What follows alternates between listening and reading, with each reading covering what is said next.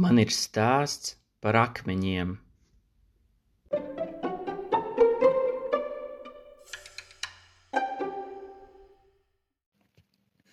Akmeņkalis Juris ieradās svētnīcā ar lielu āmuru, ar zāģiem, ar eh, darba drēbēs, rīktīgs tāds čemodāns, tur pār plecam tas viņa lielais āmurs, un ieblieza svētais statuja pa galvu. Tā statujas galva aizlidoja, acitās pret svētnīcas sienu, un fonā varēja dzirdēt. Vietēji ļautiņi bišķiņ sabijās. Paši bija parakstījušies par to, paši zināja, ka tas notiks, bet tomēr tas emocionālais pienesums tajā visā bija, ka viņi bija pārsteigti. Viņi bija pārsteigti, ka tik brutāli jūris atr, atnāks un izrubīs viņu svēto kungu rīktīgi pa galvu. Juris pagriezās, paraustīja plecus un turpināja. Viņš noskaldīja nost plecus, rokas, krūškurvi, jostas vietu, ceļi, palika pēdas. Viņš uzšāva pa pēdām divas reizes un viss svētās statujas nebija. Viņš uzbļāva saviem darbiniekiem. E, nāciet iekšā visi, tagad visu iznesam ārā attīram.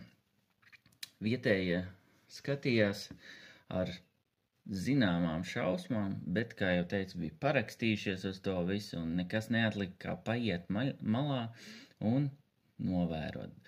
Citiem, kas, kuriem jau apnika, tie jau aizgāja tālāk pa savām darīšanām, bija palikuši kādi pāris vietējie, kas šo svētnīcu bija ikdienā iemīļojuši. Protams, tā nebija smuka lieta, un Juris par to īsti nelepojās, bet tāds ir likums, tas jāpilda. Šeit viņu agrāk bērnībā veda mamma, un neteikt, ka viņam patika tieši statuja, bet viņam patika tā visa apkārtējā noskaņa šeit.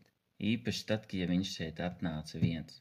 Šajā mazajā ciematā viņš vairs neskaitījās vietējais, bet, bet šad tad viņu tādi darbi atsauc atpakaļ. Viņam, viņš sagatavojas jau nedēļu iepriekš, ka viņam tas būs jāizdara, izspēlējis galvā visādas scenārijas, viņš nonāca pie secinājuma, ka visvieglākais ir vienkārši ierasties, nu, visu izskaldīt un pēc iespējas ātrāk doties projām. Tas viņ, viņš nevarēja to no, no, no iedot citiem darbiniekiem, jo tas bija tas, kas viņam bija jāizdara. Pirmkārt, tikt vaļā no emocionālā sloga, ko šī statuja viņam uh, nesa līdzi, un otrs, ka tas būs labs piemērs viņa darbiniekiem, ka labs piemērs, ka viņš izgāja ārā, pagājām bišķi maliņā, lai viņu neredz, un tur aiz krūmiem apsēdās un ievilka dūmu. Neraudāja, bet bija tūtam un atcerējās visas labās, sliktās lietas, kas šeit ir noticis.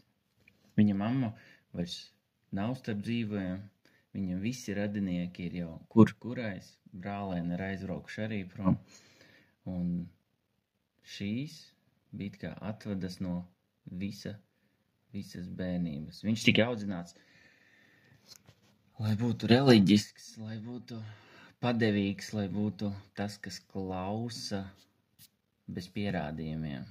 Tomēr atklājas akmeņkalšanu viņš sāka apgūt arī fiziku, viņš sāka apgūt arī citas mācības. Viņš pats devās prom un atrada veidus, kā iestāties augstskolā, kā izmācīties, kā visu darīt pašam. Un tagad, kad bija izdevība iz, izmēst šo mazo svētnīcu, Viņš tam piekrita. Viņš nebija zinājis līdz šim brīdim, kad saņēma šo pasūtījumu, ka tiesa likusi likvidēt šo vietu, jo tur regulāri notika upurēšanas. Nevis dzīvnieku, bet cilvēku. viņš nekad nebija nonācis tādā situācijā, ka viņš to redzētu. Bet tiesas spriedumā rakstīts, ka tas noticis regulāri jau 20 gadus. Tāpēc tas deva, viņš nekad nejuta svētumu šajā vietā, tikai to klusumu. Un tagad viņš varēja to visu aizmest projām. Kopš tās dienas viņš vairs nekad neatgriezās šajā mīļajā ciematā un